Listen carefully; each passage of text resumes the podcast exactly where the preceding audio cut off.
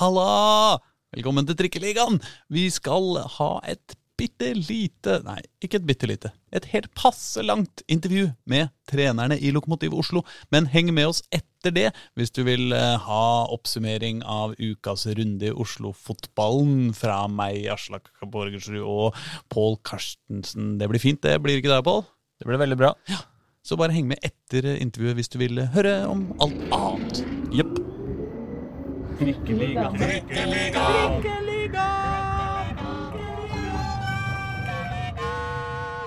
Mine damer og herrer og andre, velkommen til Trikkeligaen sesong 3, episode 40. Jeg heter Aslak Borgersrud, med meg har jeg Pål Karstensen. Hei, hei. Og i studio i dag har vi en aldri så liten uh, dobbelt godbit. Vi har nemlig med oss trenerduoen til Lokomotiv Oslo, Stian Børven og Sigve Ravnåmo. Halla! Halla. Hallo. Går det bra? Det går veldig bra. Nå er det rull og går med poeng, så da Ja, ikke sant? er det Dere, litt eh, Det er fint å være fotballtrener. ja, ja, dere driver jo, Jeg er jo helt oppe i teten i, uh, i tredjedivisjon, uh, avdeling to En. Én, unnskyld. Ah, Alle er i avdeling 1, så det Ja, ja, burde ja. du ha lært deg etter eh, så mange måneder. Jeg burde ha lært meg det. Men likevel så sitter dere altså her begge to med Stabæk-overtrekkstreningstøy. Uh, og, og, eh. Og det er, jo, uh, det er jo det første jeg lurer på. Hva, altså, eh, Hva skjer med det? Ja, hva skjer med det, egentlig?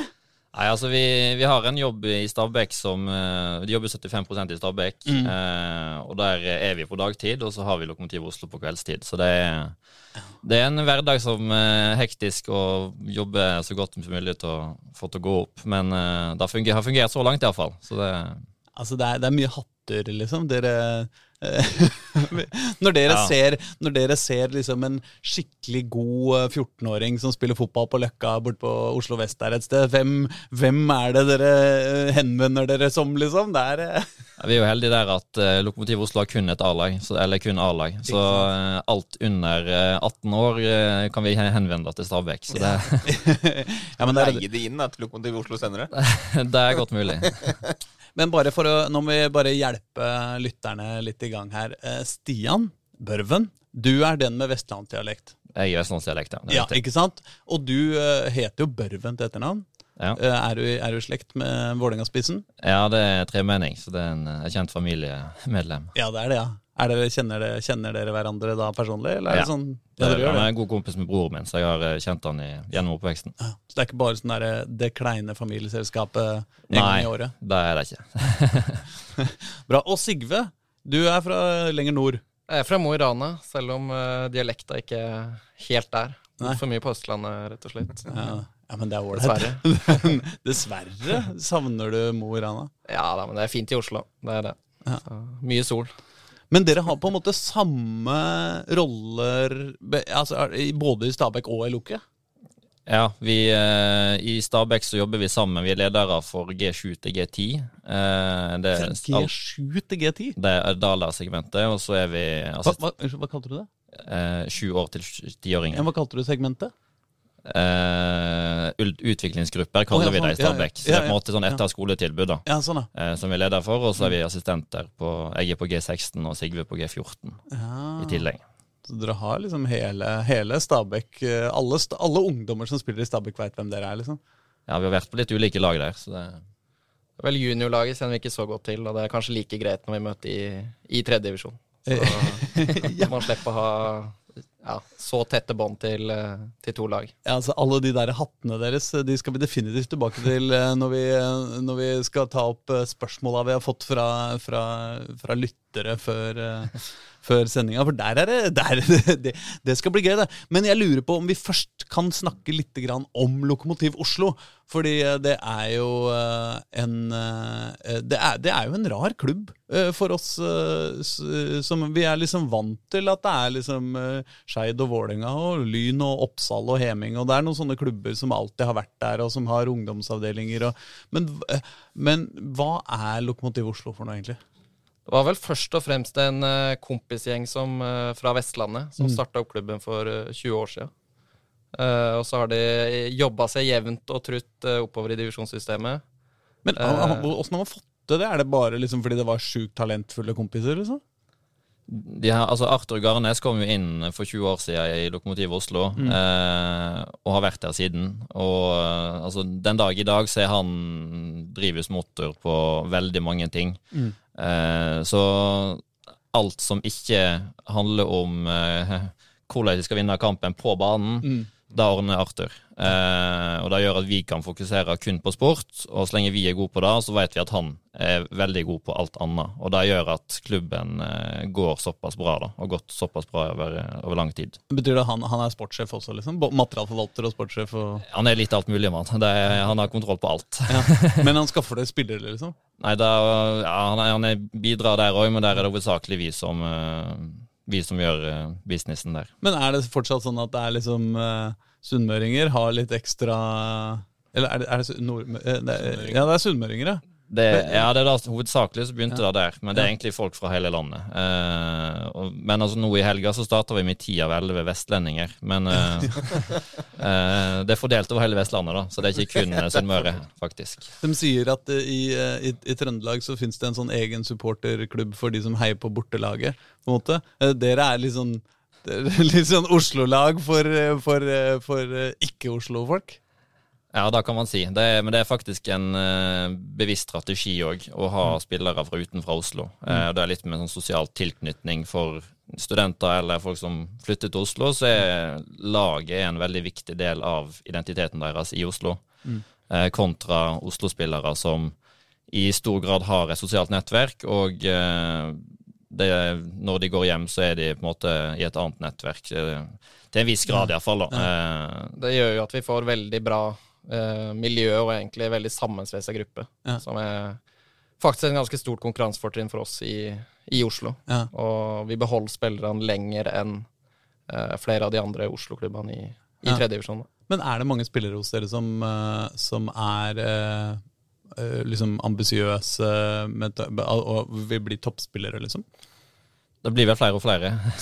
Ja. Så eh, nå har vi ja, vært fem-seks stykk som ønsker seg oppover i divisjonssystemet. Mm. Og eh, altså det, ja, som er ambisiøse og har store ambisjoner da, med fotballen. Mm. Uh, og det er jo gøy at man kan bli eh, litt av begge deler. Da. da har man ikke vært så mye tidligere, men nå har man uh, har man litt av begge deler. Det er gøy som trener, iallfall. At man uh, har spillere som er ambisiøse og har litt det lille ekstra til å ønske å bli god. Da. Ja, ja. Dere er ikke så gamle karene, noen av dere heller? Det må være på alder med spillerne? Jeg ble nylig 26 i forrige uke, så Ikke sant? Jeg er 22, så det Ja. Ja, ikke er yngre enn uh, veldig mange. Åssen funker det? Er det de, de godtar å få kjeft eh, fra, fra younglings? Ja, de er, altså, de er vant til å ha Det er jo litt også en annen strategi til klubben, da, å hente en del trenere som er ganske uerfarne på eh, A-lag seniornivå. Mm. Eh, og altså, Spillergruppa var ganske eh, på si, forberedt på det når vi kom til klubben, og har egentlig vært veldig flinke til å bidra i startfasen. Nå er vi jo på en måte blitt mer selvstendige, men det, var en, det er en veldig enkel klubb å komme til som trener eh, i en startfase og lære seg hvordan man er trener i tredjedivisjon. For det er, det er en del erfaringer som vi har gjort i løpet av det siste eh, halvannet eh, året som, eh, som vi ikke kunne i startfasen, for å si det sånn. Fortell mm, litt om det. Nei, det er jo eh, altså alt fra hvordan håndtere ei voksen spillergruppe på 25 stykk, eh, til å ha individuelle samtaler med en som er like gammel som deg, som trener med den hatten på. da. Eh, da har vi jo lært mye underveis, men i startfasen så var vi jo ganske ferske og måtte ta og føle litt på hvordan, eh, hvordan vi skulle gå fram. da. Så er det jo deler av spillet òg som ikke kanskje er så fremtredende i ungdoms- og barnefotballen. Eh, dødballer, eh, lavt press, litt sånn kynisme som eh, Mm. man lærer seg litt etter hvert da, for å ta nok poeng i, i en seniorkontekst. Ja. Men, men hvordan, hvordan er det med dere Altså når dere Dere er jo åpenbart fotballinteresserte, og i deres beste alder spiller dere sjæl, da? Nei, jeg har ikke tid til å spille det sjøl lenger. Så det Vi la vel begge opp etter 2019-sesongen, rett før korona, så det var jo god timing for så vidt. da. Men Men i, spilte dere på Lukke? nei, jeg spilte i Ullern. Jeg har spilt i Oslo, så har jeg spilt i Korsvoll og Grei. Ja. Eh, så der fikk vi to nedrykk eh, fra tredje divisjon. Så Ja, men Går greit. bedre som trener, i hvert fall. Jeg vet du hva du ikke skal gjøre. Ja, det er helt riktig. Du, vel, du har vel tre stykker, kanskje det? Jo, jeg har et nedrykk med Kongsvinger 2 år fra tredje divisjon. Så Så god det var vel eh, 18 år så hadde jeg rykka ned fra tredje divisjon tre ganger. Ja, Det er synd å si det, men hvis du signer opp en liten bijobb for grei nå i åra, så kan det jo kan, kan det se litt uh, Ja, Det er fortsatt mulighet for dem òg. Det er mange kamper igjen. Og Åssen er den forskjellen, da? Grei og, og Lokomotiv Oslo og Stabæk, liksom? som klubba Ja. Nei, det Altså, Grei er jo mer Altså, det er mer rundt enn Lokomotiv Oslo. da. Det er en stor klubb med mange medlemmer og en del som er interesserte, og ildsjeler som virkelig står på. Mm. Uh, I Lokomotiv Oslo så er vi jo vi er mye færre. Det er Ja. fire-fem stykker rundt uh, laget, og, og et andre lag og et tredje lag i femte divisjon og åttende divisjon. Og så det er det, egentlig. Mm. Det er kanskje ikke så mye sånn hele, hele nabolaget støtter opp når dere vinner kamper og sånn. Jeg veit ikke. men altså Nei, altså Vi trener jo oppe på NIH-banen på Sognsvann og Ja. spiller kamper på Tørteberg. Ja. Nå spiller vi på Frogner stadion mot Lyn i helga, men eh, Og det blir gøy. Det er jo toppoppgjør. det blir spennende. Det, Ja, det får vi komme tilbake ja. til også. Ja, men, eh, nei, men fortsett. Mm. Eh, så det, er jo, det sier jo litt om altså, at vi, vi har ikke én bane. Vi, altså, Mm. vi låner bane både som treningsbane og anlegg. Da, så det er jo i tillegg ikke så mange folk fra Oslo-området som har en tilknytning til Lokomotiv Oslo. Så det er, det er stort sett venner og bekjente som er på kamper. Ja. Det er det. Det, Ja, det er akkurat det. Hvordan er det liksom den derre Fordi eh, alle klubber, i hvert fall nedover på det nivået, eh, har jo utspring i der du kommer fra. Så de har en lokal base. De har en Altså, De har noen som kommer og ser på, de har noen eh, grand old men som har vært her alltid. De har en bane. altså Dere har jo mange forskjellige baner. Dere har egentlig ikke noe lokalt tilhørighetssted. Dere er også en gjeng med innflyttere, holdt jeg. Hvordan merker dere det som, som klubb? Altså Dere liksom er sånn egentlig nomader? Altså jeg kan jo snakke For min del da, så er det jo altså, som fersk trener på seniornivå, så tar det jo kanskje ned litt presset da, eh, fra altså, resultatfokus. Eh, altså Vi er ganske utviklingsorienterte. da, Vi har vært i Stabæk iallfall. Godt gått akademiet der den veien. Eh, så som en førstejobb på seniornivå så har det jo egentlig vært veldig fint da, at du gjør det lettere å tørre å prøve, prøve på ting som kanskje man ville vært mer skeptisk for å bare teste, da, eh, hvis man er en klubb som er veldig resultatfokus, og du blir krevd resultat derfra med en gang. det er ikke så farlig om dere rykker ned, liksom. Nei, eh, sportssjefen sier det, men det er jo ikke Det er ikke der ambisjonsnivået vårt er, da. Det er det hvor er ambisjonsnivået deres? da? Nei, altså vi, eh, vi, hadde, vi har høye ambisjoner som trenere og som spillergruppe. Eh, og så er det ikke noe must for klubben å rykke opp, men eh, selvfølgelig før sesongen så man ønsker å være i toppen og melde seg på helt oppe der. Eh, og da følte vi vel egentlig at vi har hatt spillergrupper som vi har hatt mulighet til å gjøre òg, da. Og da har vi jo sett nå i løpet av sesongen at man. Klarer å melde seg i, i hvert fall nærmere eh, Lyn og Nordstrand de siste 13-14 kampene. Ja.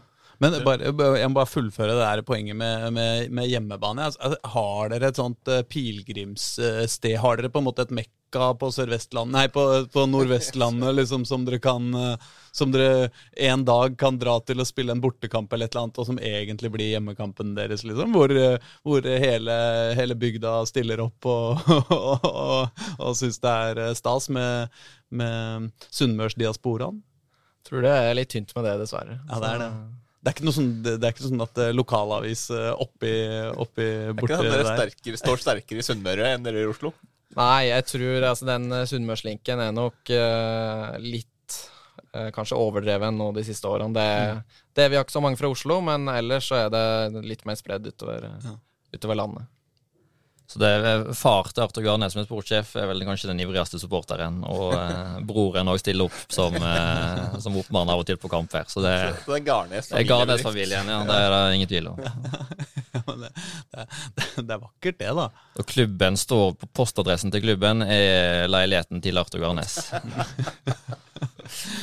Sånn det skal være. Ja. Nei, Jeg lurer på om vi skal kline av gårde med noen spørsmål, eh, noen innsendte spørsmål. Jeg, Pål. Synes du ikke det? Ja, du, eh, du som styrer programmet. Det ja. bare gjøre. Uh, vi er så mange her i dag at det er, eh, det er så, det er så Det er bare jeg som får lov til å snakke, da. Nei, men for eksempel eh, så eh, Jeg lurer på om vi skal begynne med eh, Vi fikk et spørsmål fra Stabekk. Den Stabæk, på en måte, fotball, fotballklubben, som skriver Hvor lenge har duoen tenkt å motarbeide egen arbeidsgiver? Det blir nok siste året i år, vil jeg tro. Kanskje. Litt, litt offensivt kanskje å si det. Men eh, nei, vi har, eh, vi har jo spilt mot Stabæk to-tre ganger nå. Ikke sant? Eh, og vunnet alle tre. ja, det Eh, ja. så, så det er litt der den begynner ja. ut i, da. Ja.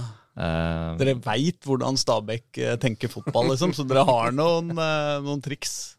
Vi har en del triks der, og det er jo selvfølgelig, de kjenner jo oss òg litt eh, hva vi ønsker, så det, er på en måte, det går litt begge veier. Eh, vi diskuterer jo fotball på, på brakka der eh, hver eneste dag, så det Ja, vi det er ikke sånn at vi holder igjen eh, informasjonen der eh, når det gjelder taktiske ting, og så blir det selvfølgelig en annen ting når det går til kamp. da. Så prøver jo vi å argumentere for at det er 24 andre kamper å vinne denne sesongen her òg, for deres del. Men det må jo være Altså, dere, er, dere spiller på samme nivå som Stabæk 2. Dere er et bedre lag enn Stabæk 2. Nå husker jeg ikke hvor de ligger på tabellen nå, men eh, det er vel ikke helt De vant nå sist, så de er vel Jeg lurer på om de er tre poeng over eh, nedrykk eh, nå. Ikke sant? Men de kan, de kan faktisk risikere å bli, å bli dumpa, dunka ned i fjerdedivisjon. Altså For en klubb som Stabæk så betyr jo det helt åpenbart e- ekte. Det er jo en ekte bekymring de har, liksom. Ja, det. Eh, det er veldig viktig for klubben å ha et lag i tredjedivisjon. Altså det- man har gode kull nedover nå, og hvis de skal ikke får den tredjedivisjonsmuligheten, så har, får, har det en del konsekvenser. Ja. Så det er veldig viktig for klubben å holde seg i tredjedivisjon. Så det er jo selvfølgelig noe vi òg ønsker veldig, da. At ikke det skal For oss så håper vi jo selvfølgelig at dere rykker ned, eh, eller Stabæk rykker ned, da. Fordi vi har jo tre Oslo-lag under de. Som jo både er Reddy, Kjelsås 2 og Grei. Og spesielt for, eh, for Reddy, som jo nå vant en veldig viktig kamp mot, mot Grei i, i helga. Ligger jo tre poeng bak eh, Stabæk 2, som har den plassen over nedrykk. Det er jo en liten tendens der. altså Nå ser du jo Ullern 2 og KFUM 2 mener jeg, som leder fjerdedivisjonsavdelingene i, eh, i Oslo. Og det er jo en liten tendens at det blir veldig mange andre lag i tredjedivisjon. Uh, og det er jo, eh, er jo litt sånn om hvordan man skal klare å unngå det, eller eh, ja. Ja, den uh, tolagsdiskusjonen, den uh, har gått uh, i mange herrens år. Så det skal vi, jeg tror vi skal ha et lengre program hvis vi skulle tatt opp det her også. Men, eh, men eh, det må jo være litt sånn for Stabæk, eh, for Stabæk liksom, så sitter dere som er ansatte i klubben begge to, og sitter og har bedre spillere enn dem, et bedre lag eh, enn annetlaget. Er det liksom ha, ha, eh, Hender det at uh, Lars Bohin uh, prikker dere på skulderen og sier dere, det der andre laget der, vi må, kan ikke vi bare kan, kan, Har dere noen spillere der som vi kan overta, eller? Altså, Eirik Kjøne var der jo sist vi møtte dem. Ja. Det var jo før han var ferdig i Stabæk. Og da satt vi vel på brakka hele dagen før kampen mot Stabæk 2. Eh, så man har en del ulike hatter, og det kan være litt vanskelig å kombinere. Men vi gjør så godt vi kan, iallfall. At ikke vi går inn på kontorene til hverandre og ser kamp, eh, kampplanen. Vi har jo et spørsmål fra Eirik Kjøne her også. Bra han, eh, han eh, følger med. Han spør, ja, han spør om dette. Hvordan var stemninga på brakka før og etter kampene mot Stabæk 2? Ble det stille når dere var i nærheten? Klarte dere å snappe opp informasjon? Det var vel en situasjon der det A-lagsteamet gikk på kontoret for å diskutere hvilke spillere skal være med på B-kamp dagen etterpå. Ja. Eh, da var det stille da de kom tilbake, det kan jeg si. Da, det var ganske vanskelig å snappe opp noe der. Ja. Men hva er, var det litt ubehagelig, eller er det bare gøy og, og artig? Liksom? Altså, det er gøy. Det, altså, det er jo, vi er jo trenere som egentlig veldig mange er ambisiøse, og da å, å ha en, på en, måte, en kamp mot hverandre på den måten er jo noe som blir bygd veldig opp under. Da. Så altså, hele trenerapparatet og øvrig ledelse i klubben var jo på kamp, og det er jo, gjør det jo ekstra gøy. Eh, som litt rammer rundt, da. Eh, blir snakka om på brakka. og det, det er ikke så mange som ikke veit om at vi har spilt mot hverandre i klubben. nå. Nei, nei. Og LOK-spillerne, da? Er de, eh, er de trygge på at dere har, eh, har liksom eh, alt i orden når dere spiller disse oppgjøra? Jeg tror eh, Arthur er ikke Altså Vanligvis så står han på motsatt side av benken. Akkurat i kampene mot Stabæk 2 så har han stått ved benken. Ja, han følger med, liksom, på at dere ikke Ja, da, så har vi jo vi, Jeg føler at vi har gjort en profesjonell jobb og når vi vinner de kampene også, da. Mm. Uh, og det er jo respekt for hele ligaen. Ja. Eh, og så håper vi veldig at Stabæk 2 holder plassen. Ja? Ja, Det er viktig for oss dere må jo da være ekstra gode mot Reddy og, og Grei og, og eh, hvem- Kjelsås 2. Og Kjelsås 2, ja, som ligger nede i dumpa der. Passe på å slå dem. Vi har um, spørsmål eh, fra altså, Oslo-fotballen stepper opp. Eh, Teddy Kirsebom, eh, velkjent eh, keeper som nå er vel i Kjelsås 2? Spiller han ikke der, da? Jo, Men egentlig fra Ullern. Eller egentlig fra her og der. Han uh, spør har du Jeg vet ikke hvem, hvem denne du er, men uh, enten meg, Stian eh, eller Sigve. Stian, ja. Ja, ikke sant? Har du tatt med deg noe som helst fra Ullern-tida Uh, til Ullern-tidas Ole Johan Aas-ball til Lokomotiv, og i tilfelle hva?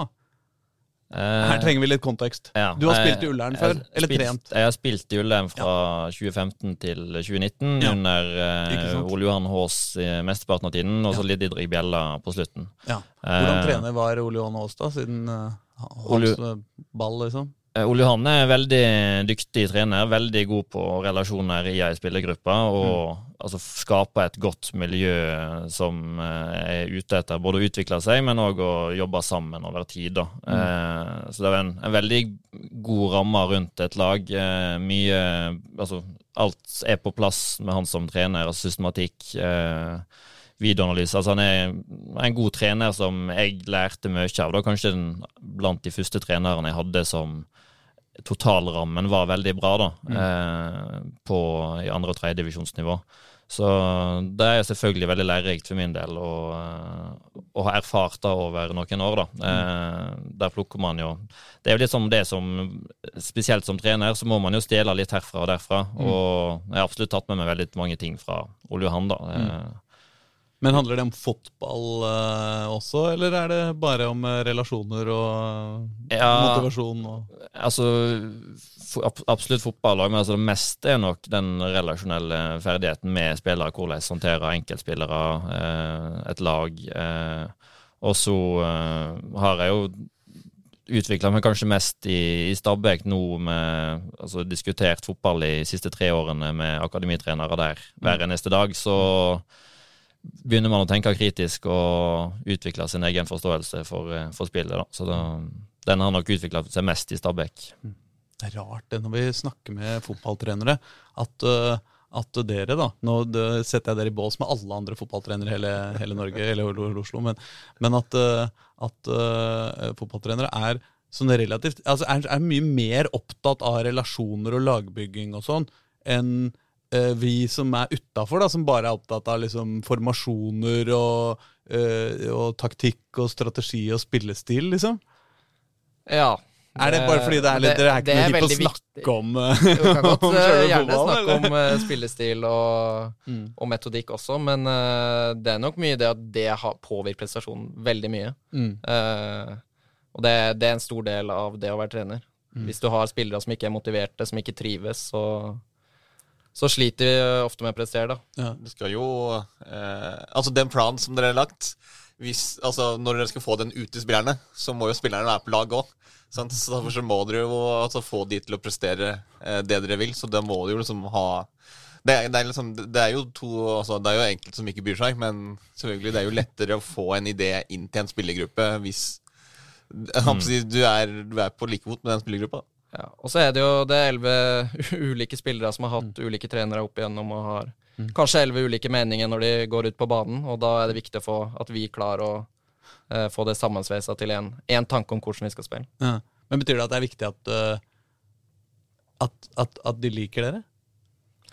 Altså, Jeg tipper ei spillergruppe kan fungere uten at de liker treneren veldig godt. Men uh, der er nok veldig mange trenere veldig ulike, da. Uh, og så er det litt hvordan man liker å håndtere ei gruppe òg. Har man en litt mer topp til bunn-autoritær autoritær metode, eller er man litt mer flatere struktur, men selvfølgelig du må kombinere det med at du er en leder, da. Eh, så der er vel vi nå vært veldig at vi ganske flat struktur, men uh, vi er veldig tydelige på enkelte ting, og så er det andre ting der vi tar inn spillergrupper veldig mye. da. Uh, og Det er nok litt viktig også med tanke på konteksten i Loke, uh, ja.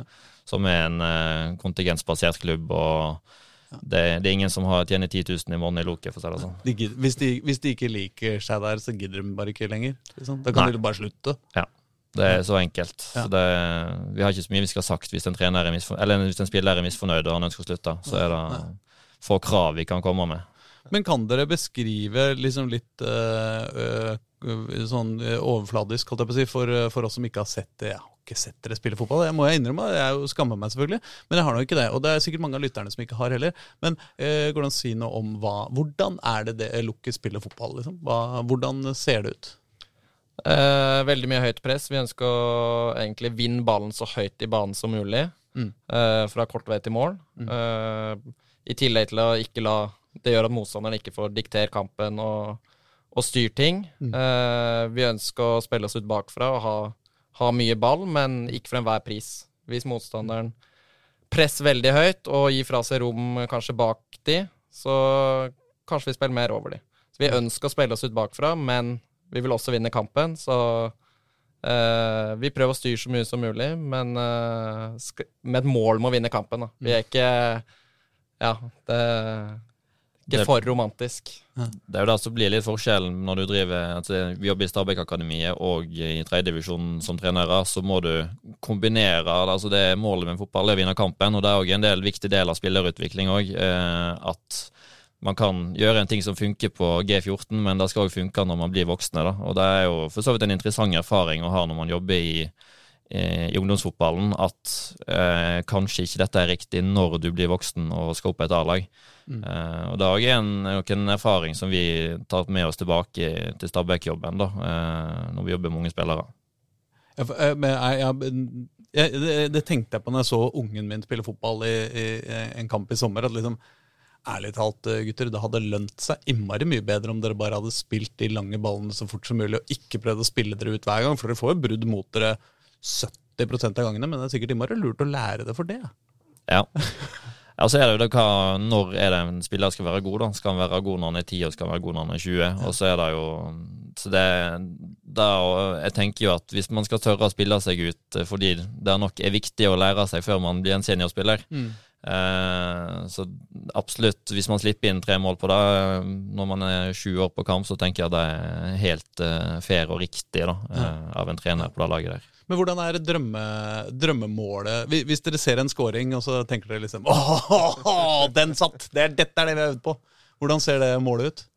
Nei, det er enten f.eks. hvis vi har femmeter, setter i gang kort, eh, pasningen går gjennom ledd, eh, kontrollert, inn i mellomrom videre i bakrom, og så uh, alene med keeper til slutt. Det er vel uh, kanskje drømmemålet. Enten ja. det, eller at vi vinner ballen på 16-20 meter og, og, får en avslutning ganske kjapt. Mm. Men helst med, med smalt i banen, eller vil dere ut på sidene? Det, det Gjennombruddspasninga f.eks. i bakrommet, liksom. Hvor, hvor, hvor skal den helst være? Tenker jeg ikke så viktig. Det kommer an på motspillet. Og det er ikke så romantisk at det må gjennom midten, for å si det sånn. Det er, man må basere seg på er elleve motstandere der òg, så det er nok en eh, Man må ta litt høyde for det. Ja. Men det er deilig. Den, den siste pasninga, når den sitter, det er noe av det fineste som finnes i fotball. Ja, absolutt. Det er det, det, er det ingen tvil om. Så det Det har jo vært litt sånn som vi har sett på dere ganger. Det er mye, mye energi. Mye offensiv kraft, og det skapes jo utrolig mye sjanser. Det er jo mange kamper vi har sett liksom, hvor det har skapt enormt med sjanser, og i hvert fall i starten av sesongen, da, når du ikke greide å utnytte det. Og så er det sånn Hvordan i all verden greier du å tape den kampen her, når du kommer liksom alene med keeper, skudd i stolpen Altså, det har masse overganger, eh, overganger hele, hele veien. Så det er mye Altså, det er mye offensiv kraft, det er mye offensiv vilje der. Er det kanskje mer sånn at dere mener at altså Uh, altså Angrep er det beste forsvar, da, som er noe dere tenker på?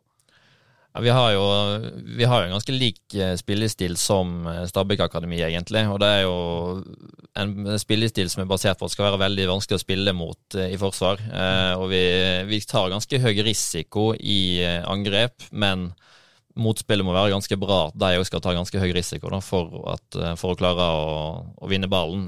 selvfølgelig man kan bomme på en pasning, men Eh, så vi, det er vel ja, litt av måten vi ønsker at vi skal ta en del risiko offensivt. Eh, og så eh, utvikler man jo spillere ved å trene på den måten hver eneste uke og gjøre det i kamp hver eneste uke. Så blir man bedre og bedre. Da har vi kanskje sett litt nå i løpet av sesongen da, at både spillet og resultatene har hatt en veldig god progresjon. Det ser vi egentlig litt på trening og eh, tempoet på trening og nivået på øktene er høyere nå enn da vi kom. Eh, Mm. Og det tror jeg er litt med, med at vi presser høyt hver eneste trening, og uh, spillerne har dårlig tid på trening hver eneste gang. Ja, fordi du skal hjem og rekke å lage middag. Nei, men hvor ofte, Dårlig tid med ball. hvor ofte trener dere egentlig? Tre økter i uka pluss kamp. Det er, det, er, det er ikke så mye, det. Nei, men man rekker å gjøre ganske mye på tre økter. Så det, Ja, men det, er, det, er, det, er, det, det går på en måte an å se for seg et noenlunde normalt liv i tredjedivisjon, på en Ja. måte. da gjør det. Mm, mm. Så er det, vi er nok kanskje den klubben som trener minst i tredjedivisjon, vil jeg tro. Ja. Så Ja, likevel så har vi fått et Det passa bra. Eh, fordi eh, Eirik Heltene har, eh, har stilt et spørsmål på Twitter. Eh, og han eh, sti, sier Stian eh, eh, Riktignok så var det eh, Ja, nettopp. Ja. Stian har ofte sitert på at spillerne er godt trent. Hva menes med det?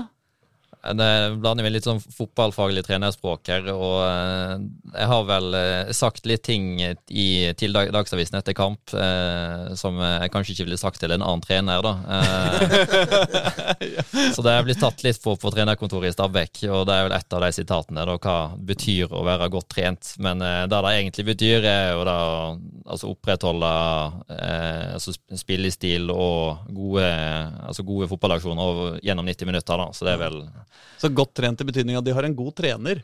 Eller to, da. Ja, det er egentlig ikke da, men det, Men det er, det er et lite stikk her. Egentlig så er, så er lukket eh, på en eh, Cooper-test, eller hva man kaller det nå om dagen. En BIP-test. Blipp, bip ja, det, Noen tester, så vil Ja. ja. lukkespillerne skåre under middels i tredje divisjon. så spørs det jo hvor om eh, VIP-test eller Cooper-test måler hvor mye man klarer å løpe i en fotballkamp, da, om den er stabil nok. Men, eh, så vi har ikke hatt det i testene i, i Loke, men eh, det høres ut som en unnskyldning. Altså. Bare sånn nei, det, det, liksom. Men det må jo finnes noen tester.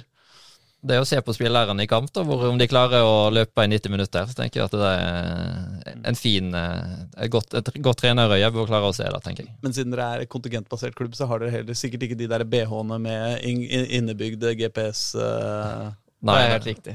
Eh, så dere kan ikke finne det ut heller. nei. Bare ta det på skjønn. Og skjønnsmessig er det godt trent. Han har eh, et spørsmål, to spørsmål til. Hva gjør dere på treningsfeltet som andre ikke gjør?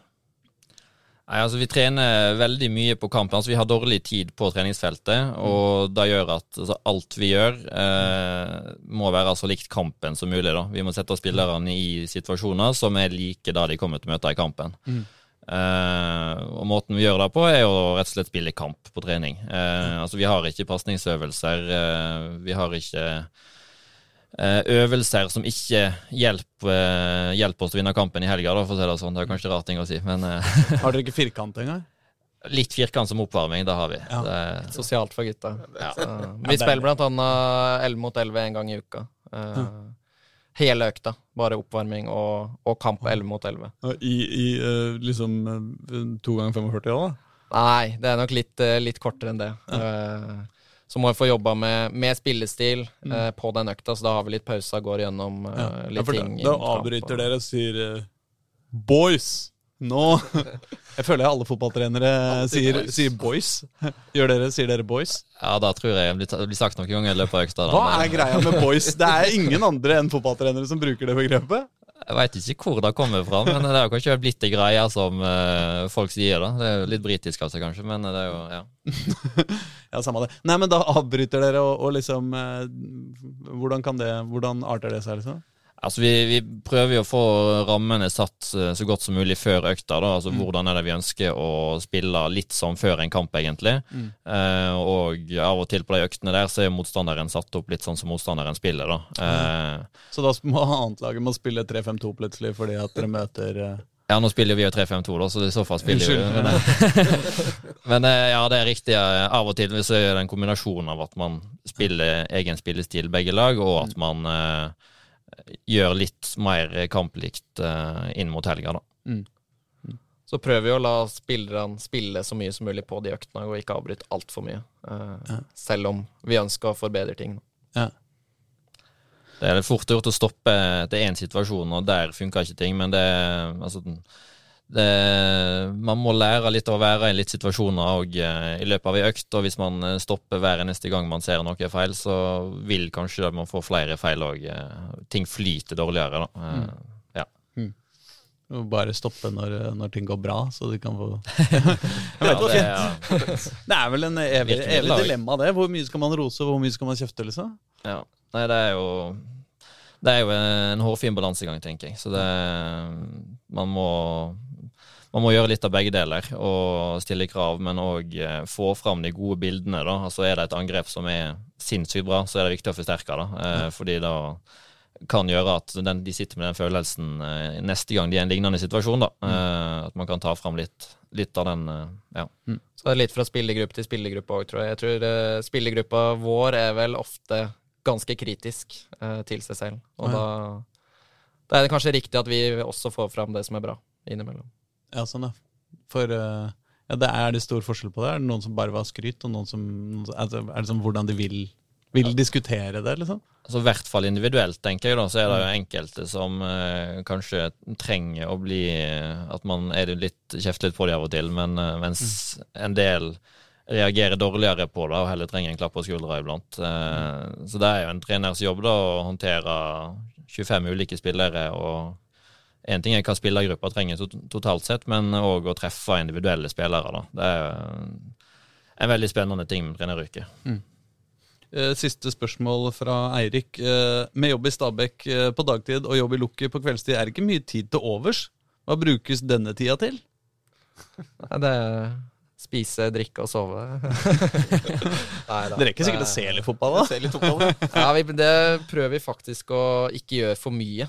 For det kan, det kan bli for mye fotball også. Eh, og hvis vi skal jobbe med det her over tid, så tror jeg det er viktig å koble, koble litt av. Og, og ikke, er viktig, altså Toppkamper er gøy å se, den som er på det øverste nivået altså, av Champions League og de største kampene i store ligaene. Og så ser vi selvfølgelig Stabæk A-lag òg, da. Men eh, det er viktig å kombinere fotball med resten av livet òg.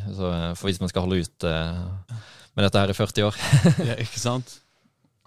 Eh, Stig André Lippert, på bortebane, kaller han seg på Twitter, eh, eh, sier eh, Må på vegne av flere banehoppere takke dem for at de spiller kamp på Frogner stadion til helga. Tar, eh, tar de imot baneforslag ved senere anledninger også? Det er bare sendt til eh, Arthur Garnes. Og ja, ja, Arthur, eh, Arthur tar seg av det. Nei, men det blir gøy å spille på Frogner. Ja, jeg har spilt der faktisk selv eh, for noen år siden. Det var vel på en fjerdedivisjonskamp, tror jeg. Mm. For andre laget Tullen. Eh, men eh, nå er det en ny matte der, og hakket bedre bane enn det det var den gangen. Da var det ganske hard, eh, hardt underlag. Så tipper det skal bli en eh, fin ramme rundt kampen. Og eh, det er en vik veldig viktig kamp for Lyn i opprykkskampen der, så eh, det gjør det jo at det blir litt ekstra både nerver og Det er jo en, begynner å nærme seg en toppkamp nå. med Ja, for dere er på fjerdeplass, men dere er jo ganske Altså, det er jo ett lag som rykker opp, uh, bare. Og, eh, 34 poeng, og de har jo Ikke 46, er det ikke det? Sånn, så det er jo, jo, så det er jo tolv Det er vel, poeng opp. Uh, Ja, det er vel Os dere kanskje kjemper om å bli Altså den beste bak de to. Så, så Os er vel litt med dere, så det er vel tredjeplassen som kanskje er det mest realistiske. Det er vel én plass ned fra i fjor, men allikevel eh, At eh, et lag som Lokomotiv Oslo skal blande seg opp i eh, altså toppen av tredjedivisjon år etter år, det er det vel ikke mange som, som kunne forvente. Nei, det er jo veldig gøy. Eh, altså, vi tok vel poengsnittrekord i fjor og plasseringsrekord i fjor. Eh, og nå har vi jo har vi mulighet til å ta poengsnitt i år, ikke mulighet til å bli, komme høyere enn da vi gjorde i fjor. Men uh, det er jo gøy å absolutt være i toppen. da. Det gir jo litt mer positiv uh, inngang til, uh, til jobben òg, at man Ting går bra. Men det er Lyn og Nordstrand da, som, som kjemper om den ene opprykksplassen. Og, og de er veldig sånn der, side ved side, veldig veldig tett, har fulgt hverandre hele sesongen. Og de skal jo møtes på slutten. Og, så det er jo veldig spennende opp, på en måte den duellen mellom de to. da, Og den får jo dere muligheten til å, til å forpurre. Nå har vi, vi har faktisk Lyn nå, og så har vi Nordstrand i kampen etterpå. Uh, og begge de to lagene møter uh, Os, tror jeg, i, på en måte i de to motsatte rundene. Så både Lyn og Nordstrand har oss og Os i de to neste. Det er mye det som skal kan, avgjøres eh, nå i, om, i de to neste kampene. Vi har lyst til å påvirke det, i hvert fall, med å ta litt poeng fra dem. Så Ja. får vi se. Ja, så hvis dere hvem, hvem, hvem håper dere på at uh, rykker opp? Nei, det, det er ikke så viktig for vår del. Men eh, vi har lyst til å ha en seier mot en av de to. Eh, litt for å bevise toppnivået til den spillergruppa vi har nå. Så mener vi at egentlig vi skal klare å ha jevne, gode kamper mot dem. Eh, så det er litt viktig for vår del, både som trener og spillergruppe, at vi faktisk er på høyde der oppe. Eh, at vi Toppnivået er såpass bra at det er topp tre-divisjon. Eh, Det er noe vi ønsker å vise fram de to neste ukene. Det har blitt snakka veldig mye om, om hjemmebanefordel. I hvert fall i, hos, eh, hos Lyn, som jo ikke har- knapt har spilt kamper på hjemmebane i år, de også. Eh, dere velger jo nå selv å ikke spille på hjemmebane. Vi har, har flyttet til Frogner. Eh, for, har det noe å si? For vår del så tror jeg det er ganske lite å si med tanke på at ikke vi trener på egen eh, bane vi spiller kamper. Eh, også hjemmebanefordelen er jo kanskje litt større på, eller på toppnivå, der man har eh, supportere og litt Altså rammer rundt kampen. Lyn har jo for så vidt det i tredjedivisjon, men eh, det er ikke noe som vi blir så stort mye påvirka av, iallfall. Men det gir muligheten, egentlig er forklaringa her at det, dette gir muligheten til å, til å ta inngangspenger fra de eh, 200 folka som eh, dukker opp med lyndrakt. Helt riktig. ha litt kontroll, og det er veldig åpent rundt uh, Tørteberg der. Så det er vel uh, rett og slett for å ha litt bedre kontroll. Ja, Det er vel kanskje ikke tribuner der eh, i Jo, det er det. Jo, det er en liten tribune der, ja. Det er satt opp litt uh, det siste året etter Frigg rykket opp til andredivisjon, så er det vel et eh, min minimumskrav. Uh, så det er, det er en ålreit tribune der. Ja. Den er ikke så full, men som regel. Hvem av dere har, har mest tilskuere på Tørtepart? Dere eller Frigg? Det er nok Frigg. Det er vel ofte en del eh, juniors barnespillere der som jeg ser på, eh, og da har jo ikke vi eh, på våre kamper, så det Hvor mange er det som møter opp på en vanlig Loke-kamp? Det er vel mellom eh, 30 til 50 stykk i snitt, kanskje. Så det er jo ikke veldig imponerende sånn sett, men eh, ja. Det ble et par kamper når det har regna at eh, jeg har sett bort der, og det har stått eh, to- to-tre stykk på tribuna med paraply og regnjakke. Så det, Hvordan er det som trener, eller også som spiller, for så vidt? også når du skal kommer inn og spiller kamp, og så blir det måtte en juble en masse av to, to stykker som står og klapper i- under paraplyen, liksom. Det må tenkes at ja, det, hvorfor, hvorfor gjør vi det her? Det er jo litt gøy når det er far og bror til Arthur Garnes. da, Så, vi må bort og ta en prat med de etter kampen, iallfall. Ja, det har de fortjent. Ja. Connecte med fansen, det er, eh, Ja, det er viktig. ja, det er- Det er viktig. um, Carl Fredrik Sandelin Velle Velle Carl på Twitter uh, spør Hvem er neste sunnmøring inn porten på Tørteberg eh, slash Frogner? Og hvor viktig er klubben uh, med tanke på at det nesten konsek eh, eh, på at, eh, med tanke på at det nesten konsekvent har blitt satsa på unge trenere fra idrettshøyskolen? Ref. Dragsten eh, J, som nå er i Hødd. Altså Det første hvem neste sunnmøringen er vel ikke så lett. Vi signerte en Olei fra Hødd nå i sommer, som har gjort det veldig bra og starta de tre siste kampene.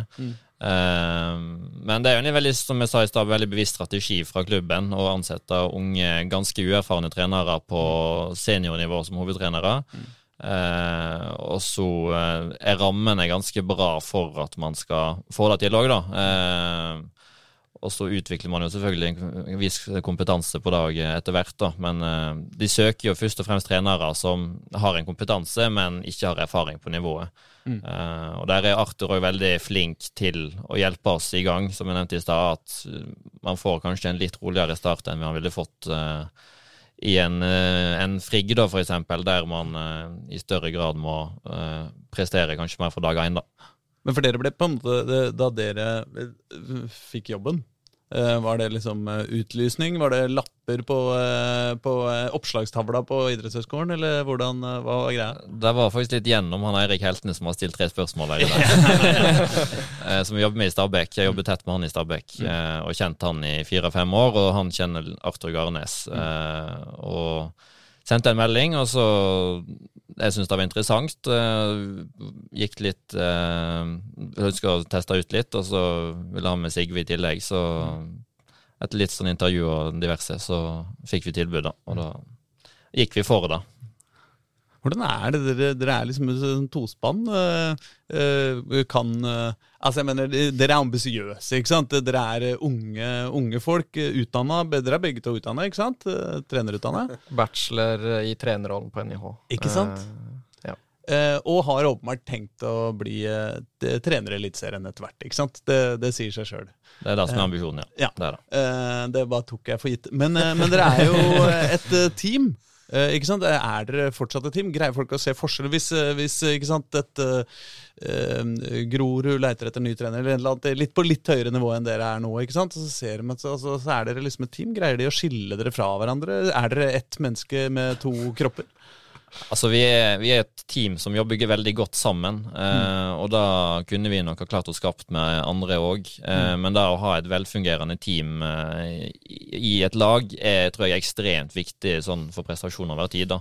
Og der passer vi veldig godt sammen. Vi utfordrer hverandre og tør å stille veldig kritiske spørsmål til hverandre, som kanskje er ukomfortabelt, men det gjør at vi blir bedre og, over tid, da. Eh, og da vi kan nok jobbe alene etter hvert òg, men det å få på plass et team er noe som jeg ville tatt veldig høyt når jeg skulle tatt neste trenerjobb. for å si Det sånn da. Eh, mm. Det er en viktig del av det å utvikle et lag. Men blir det litt flaut når eh, en av dere kommer til den andre og bare Altså, jeg fikk eh, Nå har jeg det Nå skal jeg videre, liksom. Nå skal jeg, jeg ja, De vil ikke ha med deg, liksom. Vi får se, da. Ja. jeg, jeg senser det. Nå, nå, nå, nå stakk jeg noen finger inn et eller annet sted det gjorde litt vondt. Nei, Det er vel ikke alle klubber som har mulighet til å ansette to trenere samtidig. Så det Hjelper at de ikke betaler lønn, si. ja. Prøv å ta over Viking, da. Viking er vel en av de få som, som har uh, delt trenerløsning. Ja. ja, Lillestrøm også uh, kjører jo en uh, Eller det er kanskje ja. en hovedtrenerasystem, jeg vet ikke. Der er vel liksom, Jeg tror Strømsgodset og Sandefjord har hatt litt lignende løsning. og det, det, er en ting som blir mer normalt i Norge, iallfall. Uh, og det er kanskje litt med at i Norge har vi litt flatere struktur enn i utlandet, der mm. det oftest er veldig tydelig ledelse. da. Mm. så i, i konteksten norsk fotball så tror jeg den kan fungere ganske bra, egentlig. Jeg hørte en sånn engelsk Premier League-pod eh, her om dagen hvor, eh, hvor de kjefta lenge på Erling Breit Haaland fordi at han hadde kalt uh, Pep Guardiola for Pep i et intervju, og ikke Gaffer eller Mr. Guardiola. Uh, sånn er det kanskje ikke i Lukke. Nei, da, i så fall med glimt rundt øyet, tror jeg. Mye gaffer. Sjef. Uh, Jørgen Grydeland, uh, en av deres, uh, deres konkurrenter i, i daglig lederen i Oppsal, spør må man være over 190 cm lang og bloddopa for å få være med, med i troppen? Og er det noe Arthur ikke kan? Han slang et lite hjerte på på slutten. Ja. Jeg, jeg, jeg, tror ikke den er fullt så frekk som, som, den er tenkt. Altså Arthur kan det meste som er viktig at han skal være god på i jobben. Eh, så kan det være nok en del andre ting han ikke kan, men eh, det er ikke så synlig i den jobben hans i Lokomotiv Oslo. da, det kan man si. Så han er veldig god på det han skal være god på, eh, for at klubben skal fungere. Men nå til bloddopingspørsmålet. Kan du ta, Sigve. Jeg tror vi, vi møtte jo de i treningskamp i januar, og da det stemmer nok at vi starta med fem spillere tror jeg, over 1,90. Fem eller seks. Nå er ikke, nå ikke alle de som er i troppen vår nå lenger, så nå har vi vel uh, bare et par stykk, tror jeg. Så det er noe veldig skummelt, det, igjen som barnefotballforelder, når det laget du spiller mot er liksom et halvt hue høyere enn alle, alle på ditt uh, lag. liksom. Altså Dødball er en viktig del av fotball, så da har et par stykk som eh, er et par hoder høyere, er absolutt en fordel. Men eh, når du setter sammen et lag, så måten vi spiller på, så eh, trenger vi ikke mange på 1,90. Da, det er ikke det første målparameteret når vi skal hente en ny spiller, for å si det sånn. Det. Um, den får være grei. Håvard uh, Solli spør et spørsmål uh, som jeg heller overhodet ikke skjønner konteksten av. Uh, er det sant at Sølve Sæter er ny straffetaker i klubben? Det er et spørsmål vi har fått et par ganger fra han Men uh, den er nok litt langt bak i køen, faktisk. Nå, byt, forrige kamp så bytta vi ut tre, våre tre første straffeskyttere, og han var ikke nummer fire.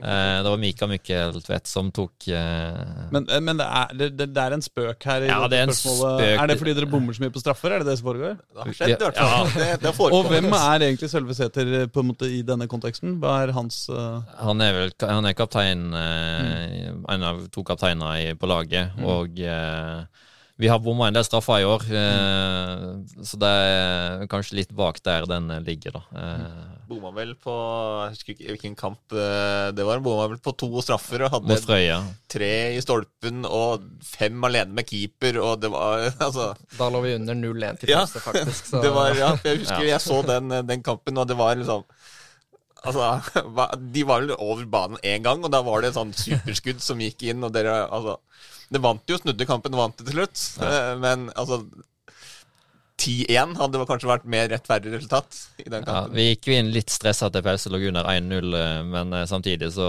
hvis man skaper så mye sjanser på én omgang, så løser det seg som regel til slutt. Vi møtte jo dem nå i helga òg, og vant 3-0 nå. Ikke sant? Da var ting litt mer som det skulle.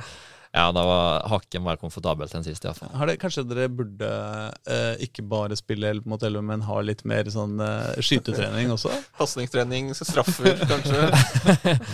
Ja, nå han straffeskytteren vår nå eh, tar fem straffer etter hver eneste trening, så det Han har ikke tatt straffe ennå, det er en ny straffeskytter. Så vi får, vi får se om han eh, klarer å treffe. Um, til, nå, nå tror jeg vi er gjennom nesten alle spørsmåla, men heldigvis så har vi Jonny Normann Olsen, eh, Skeid-oksesjefen, som, eh, som har sendt inn noen spørsmål. Eh, eller en hel masse spørsmål. Så vi, vi går gjennom dem eh, kjapt. Det første spørsmålet som eh, alle våre lyttere ser ut til å Alle våre intervjuobjekter ser ut til å få. Ananas på pizza, ja eller nei? Uh, nei. Men ikke, Nei. et, ikke klart nei, men nei. klart nei fra meg. Å, ja, ja. Litt skepsis og absolutt avstandtagen. Ja, jeg, jeg kan like det, men ikke ja. Uh, eh, her er et uh, lengre spørsmål også. Lokomotiv Oslo så dagens lys i 1999 og brukte kun 15 sesonger på å rykke fra 8. opp til 3. divisjon. Har dere noen røverhistorier fra ferden oppover i divisjonssystemet? Uh, ikke vi har ikke så mange når Ikke vi kom sant, inn i dere- tredjedivisjon. Ja, Dere har ikke rykka opp en eneste gang, dere. Nei. Nei. Sånn sett de dårligste trenerne Lokomotiv Oslo noensinne har hatt. Ja, det er vel Arthur Garnes som har alle de opprykkene som, eh, som trener. Så Ja, han har fortsatt det på oss eh, når vi driver og tar poengsnittrekorder og, og sånne ting. Så kommer han alltid med 'vi har ikke rykka opp'. Nei. Men, eh, men eh, er, det noen, eh, er det noen historier i, eh, som på en måte henger i klubbkulturen, om eh, noen, eh, noen rare ting som har skjedd? Som er. ja. Det er altså, hele styret i klubben er jo basert på en del tidligere spillere. Og det har vel kanskje vært noen lagfester der som eh, jeg vet ikke om vi kan gå videre inn på, man har hørt historier om. Men eh, de, de har ikke så mange historier å dra fram, og de vi kan dra fram, er kanskje litt over eh, streken. Så Ja, men Hva er seriøsitetsnivået i tredjedivisjon, egentlig? Er det sånn at liksom når etter en, etter en god seier, så ramler det rundt på å gjør eh, vestkanten utrygg? Nei, vi, vi gjør som regel ikke det. det.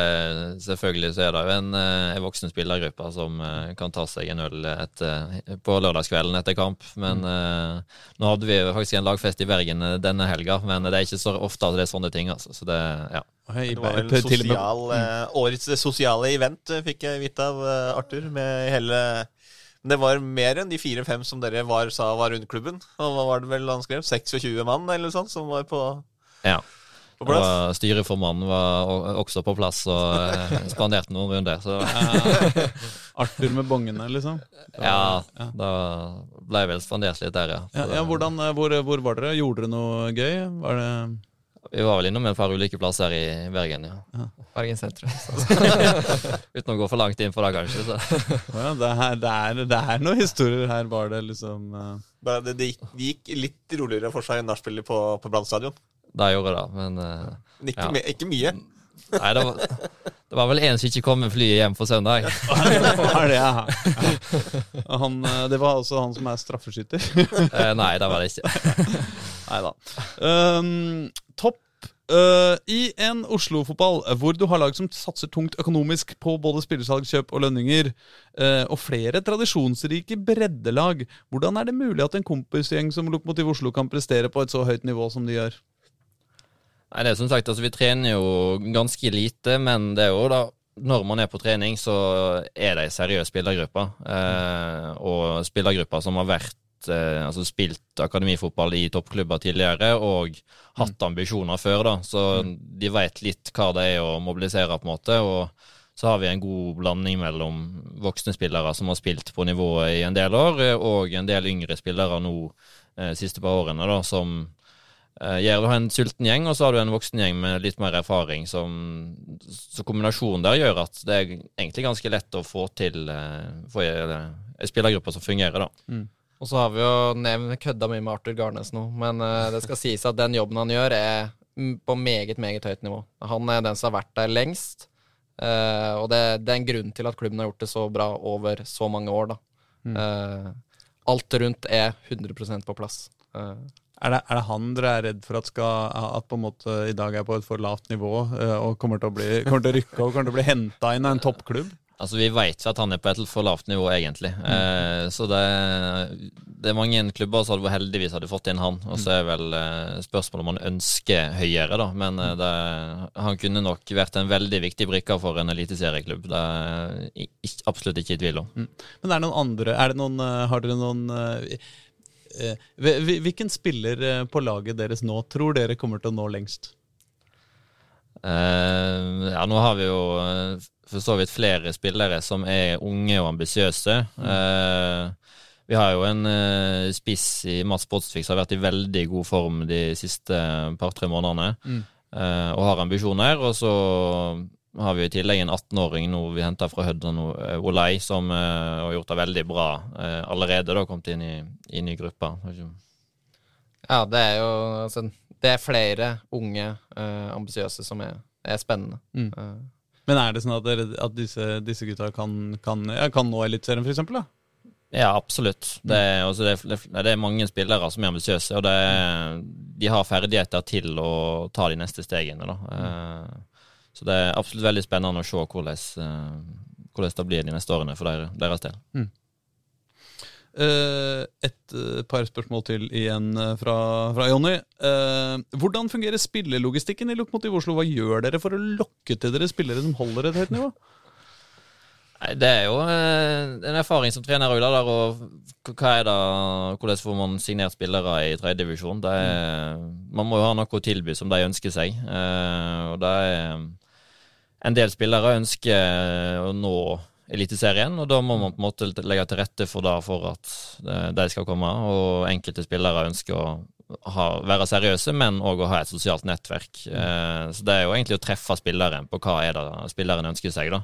Eh, og der, vi har jo fått inn en del spillere som er ambisiøse de siste par årene, og det er jo veldig gøy for vår del da, at vi også kan få sånne spillere til Lokomotiv Oslo. Eh, Men Er det sånn at folk, at spillere henvender seg til dere, eller er det sånn at dere surrer rundt på fadderuka og ser etter hvem som flakker med blikk og ikke kjenner noen? liksom? Det er vel noen år siden det var sånn. Nå er det, det er mange som henvender seg til oss, og så kjenner vi til eh, noen i tillegg og prøver å bruke det kontaktnettverket både som vi, vi som trenere har eh, rundt omkring i, i fotballen, og mm. også spillerne som kommer fra mange ulike plasser i, i Norge og og kjenne folk rundt omkring. da. Mm. Er det lettere da å hente uh, spillere da fra altså ikke fra Oslo, men fra andre deler av landet, fordi de også kjenner til at dere nettopp har den profilen da, med å hente inn uh, ikke utlendinger, men uh, altså, det er folk som ikke er fra Oslo? Altså vi har, vi har, vel spillere fra nesten fra alle store byer i Norge eh, som har et ganske bredt kontaktnettverk rundt andre, tredje, fjerdedivisjon av de gode, bra, bra, spillerne der. da, Når de flytter til Oslo, så har vi nok et lite konkurransefortrinn eh, ved å få de først på trening og eh, vise fram hva vi kan tilby. da. Så det er, Fra alle de store byene, inkludert Oslo, er det noen Oslo-spillere på laget? Kasper Hoftvedt han var toppskårer i fjor mm. og røyk korsbåndet før årets sesong. Rett før eh, sesongen. Eh, og han eh, er vel Han og Iver Ukkestad, som òg spilte fast i fjor, mm. eh, som har trappa ned i år. Det er vel hovedsakelig de to, da. Eh, så har det vært innom noen andre. Ja, så én pensjonist og én skada. Ja. de blir selvfølgelig veldig uglesett, da, de som kommer fra Oslo. ja, da kan man si det. Det skal litt vanskeligere å komme inn hvis du er fra Oslo, kanskje. faktisk. Um, så spør han om uh, Lokomotiv Oslo har noen andre ambisjoner enn å være et stabilt Det har dere egentlig svart på. Dere vil oppover i systemet. Alltid et hakk oppover. Er det sånn? Det er jo ikke så st- artig å si at det er ikke så stor forskjell på andre- og tredjedivisjon i reisekostnader og sånn, så én divisjon opp er iallfall eh, godkjent. Så får vi se hva han sier derfra. Så, Loke i Eliteserien hadde vel vært eh, litt mye.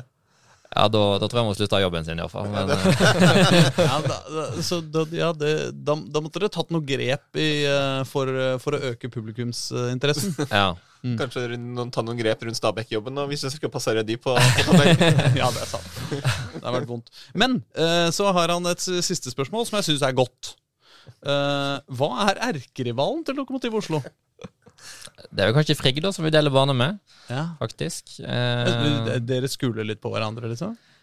Ja, og så gjør vi ikke så mye. For vår del som trenere så er det jo Stabæk 2, kanskje, da, som har vært litt eh, De oppgjørene som har vært mest rundt om. Eh, men for klubben sin del så så er det vel kanskje eh, Frigg eller noen klubber på Sunnmøre. Så er det jo ofte sånn som nå når vi har hatt eh, Når vi er i avdeling med lag fra Bergen, så har vi jo spillere som kommer fra alle de klubbene.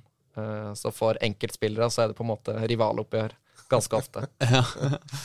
Mika Mykkel Tvedt var jo bare kapteinsteamet nå i helga, fordi vi møtte gamleklubben han spilte var, vi har noen sånne historier òg. Ja, Sånn sett er eh, Trikkeligaen og Lokomotiv Oslo helt motsatte, fordi vi heier jo på alle Oslo-laga i den divisjonen. eh, og hater alle de andre. Mens dere egentlig hater alle Oslo-laga og elsker alle de andre. Ja, det er nok litt riktig, ja. Det er, eh, det er sjukt.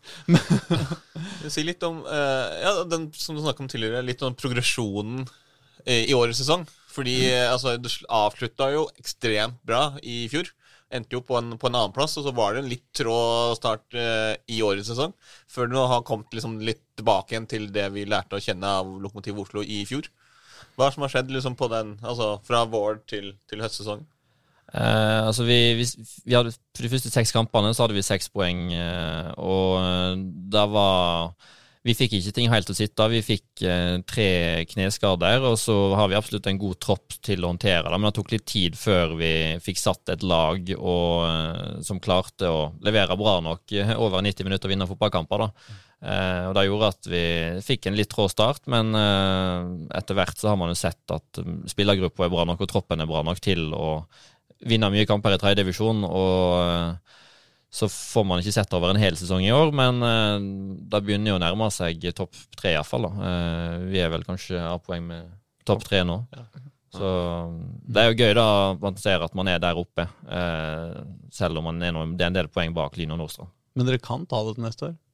Det er ikke så mange poeng. Det er ti poeng eller tolv poeng nå. da Hvis dere slår dem, så, så er dere ni poeng bak. Det skal eh, godt gjøres med bare seks-sju kamper igjen å spille, men eh, Ja, det, er- det er jo at det er to lag i tillegg, da, eh, og det er vanskelig å ta igjen to lag eh, med ni poeng. Så det, Nei, men Jeg er enig i det, men, eh, men for neste år Neste Ja, år så så slipper går det an å tenke litt på alvor på det? Hvis dere Ja, Gjør det det ikke det? absolutt en spillergruppe som er god nok til å, til å rykke opp. Så det, det er jo I tredjedivisjon så vet man jo aldri hvilken avdeling man kommer i, og det er mange u faktorer som spiller inn der. da. Eh, sånn som i år, så Lyn har vel alltid vært nummer én eh, sånn på papiret eh, for hvem som skal rykke opp, og så ser vi at Nordstrand òg klarer å, å gjøre det spennende hele veien inn, da. Så det er jo litt gøy.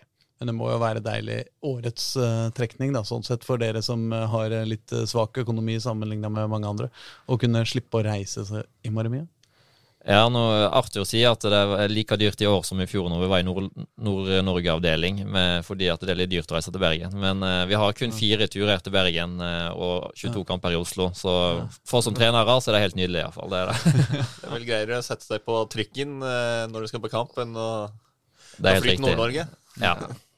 Og så er det kort flytur til Bergen òg, så det Ja, Men dere heter Lokomotiv Oslo, da. Dere burde jo kjøre tog bort der når dere først skal. Ja, det er et godt poeng, faktisk. Det, Det er Dere burde jo få en avtale med Vy, da, som Ja. heter Lokomotiv Oslo. Så burde det kanskje erkerivalen vært Lokomotiv Moskva. Det var vel eh, Jeg er ikke helt sikker på hva klubb det var, men det var noen supportere fra en eller annen klubb som heta noe med Lokomotiv. Om det var Lokomotiv Berlin eller et eller annet, jeg vet ikke hva klubb det var. Som reiste til Oslo i sommer og ville ha omvisning på på stadion vår.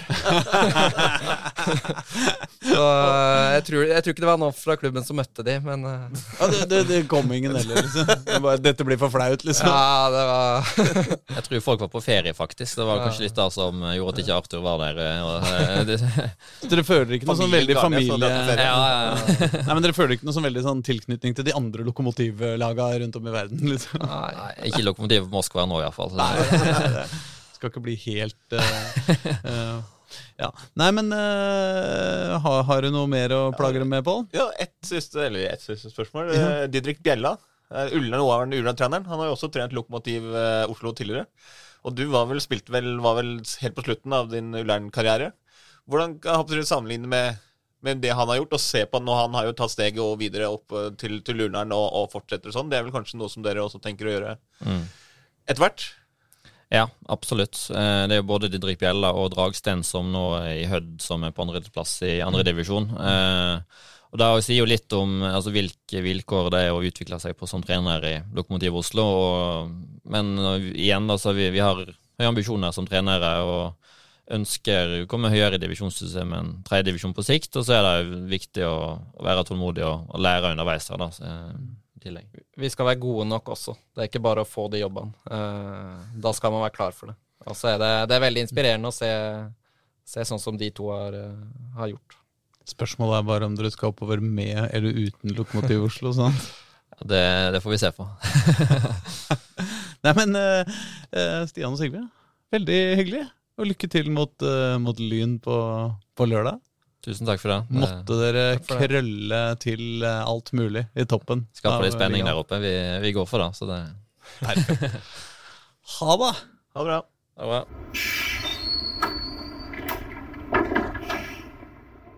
Det var lukket, det, Pål. Det var lukket. Åh, det var uh, kult å endelig bli kjent med dem. Eh, Jeg har liksom jeg følt at vi har snakka så mye om dem, men eh, aldri fått navn på grisen. holdt jeg på å si. Det er, veldig, altså det er en veldig gøy klubb, for det, det viser at det går an å gjøre det på en helt annen måte. Eh, fordi det er jo sånn vi har om, vi snakker jo veldig mye om de, håper tradisjonelle klubbene. Eh, og alle har jo liksom en sånn tenke om hva en fotballklubb er. Men her er det liksom bare en gjeng med kamerater fra Sunnmøre som i eh, rett før årtusenskiftet bare sånn «Nei, Skal vi ikke starte en fotballklubb? Ja. Ja. Og så er det Garnes-familien som har drevet det siden. Så det er veldig gøy. Ja, det er moro. Men eh, vi må snakke om resten av Oslo-fotballen. fordi det er jo ikke til å komme seg unna at dette var en ganske ålreit helg for eh, i hvert fall de to første herredivisjonene Oslo-laga der. Det skal vel godt gjøres å få en bedre helg. Ja, det tror jeg det ble fire seire fire mulige. Ja, i årets sesong, da. Fordi Grorud har aldri vunnet tidligere i sesongen. Så da, Ja, men uh, hvis vi begynner på toppen, da. Vålinga hadde et aldri så lite oppgjør mot Lillestrøm. det var uh, Det var veldig, veldig gøy å se på, og kanskje på to forskjellige måter for, for oss to.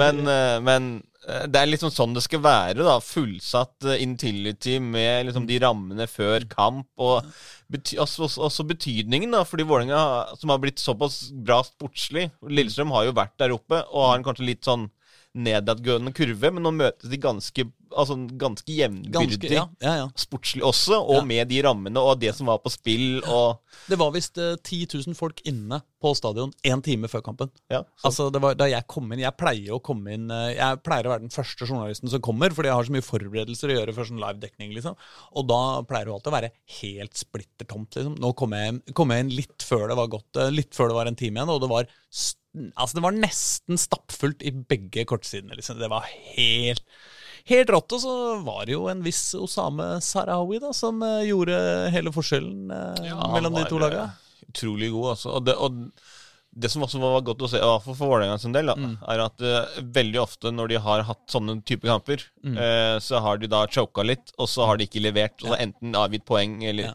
Litt sånn den kampen mot, tidligere mot mot HamKam Ja. var litt den samme type feelingen, men den kampen her, det, er- altså, da var Vålerenga bra. Osame Altså, spørs om han der bekken der har eh, fortsatt eh, eh, Hva heter det? Balansen hans er i orden. Det er morsomt det, når du får en sånn spiller som, som er så god til å drible, og som også får et sånt rykte. Fordi når han hadde på en måte scora det første målet og liksom gjort, eh, gjort mye ut av seg i starten av kampen, så, så er det jo helt tydelig at at de er nervøse når han har ballen. ikke sant? Så Mm. når han står der, Det er litt sånn som jeg, jeg husker jeg har sett Messi på samme måte. Ikke uh, Det er ikke Uten sammenligning for øvrig. Ikke sant? Men, men hvor han bare står der med ballen, og så, og så har han så stor sjøltillit med ballen, og så kan han bare på en måte riste litt på skuldra, eller han kan bare på en måte blunke til forsvarsspilleren, så ser du ham bare shit, blir skikkelig stressa. da. Det blir jo en veldig styrke for Osama også. Han skåra jo Altså, det første målet uh, skåra han jo helt uh, aleine sjøl. Han uh, dribla, dribla, og så bare Ja, nei, jeg kan like godt skyte. Skyter han i lengste hjørnet og, og ser liksom helt sånn der Å ja, var det så lett, liksom? Andre målet, dribleren og dribleren og dribleren, og så spiller en perfekt ball inn til Torgeir Børven, som uh, nikker den på huet inn fra en halv meters hold. Men det var bra løp av Torgeir Børven. Ja, altså Må virkelig berømme Torgeir Børven, men også på det første målet. Ja. For det er Torgeir Børven som utløser det som skjer der. fordi når han drar med seg Forsvaret i den hodeduellen han vinner, Mm. og da Dikko Eng er det vel som stikker inn bak der, Ja. det åpner jo opp altså Da lå liksom Forsvaret til, til Vålinga, nei, til Lillestrøm eh, ganske tett og kompakt. sant? Men så drar de den ut, og da får du en person ut av uh, posisjon, så drar han inn på kryss. Sant? Da er det sånn plutselig kaos i Forsvaret, og når da Osame får, får ballen, så er det jo liksom Ja. da, altså De er ikke på plass, og Osame én mot én er superbra. Sant? Og da, da er det sånn Ja, det var så lett, liksom. Ja, ja, Men, og- men det er altså den bevegelsen til Torgeir Børven, både på, på 1-0-målet, men også den beløpet han har inn for å slå eh, midtstopperne på det innlegget til, til Osame. Ja.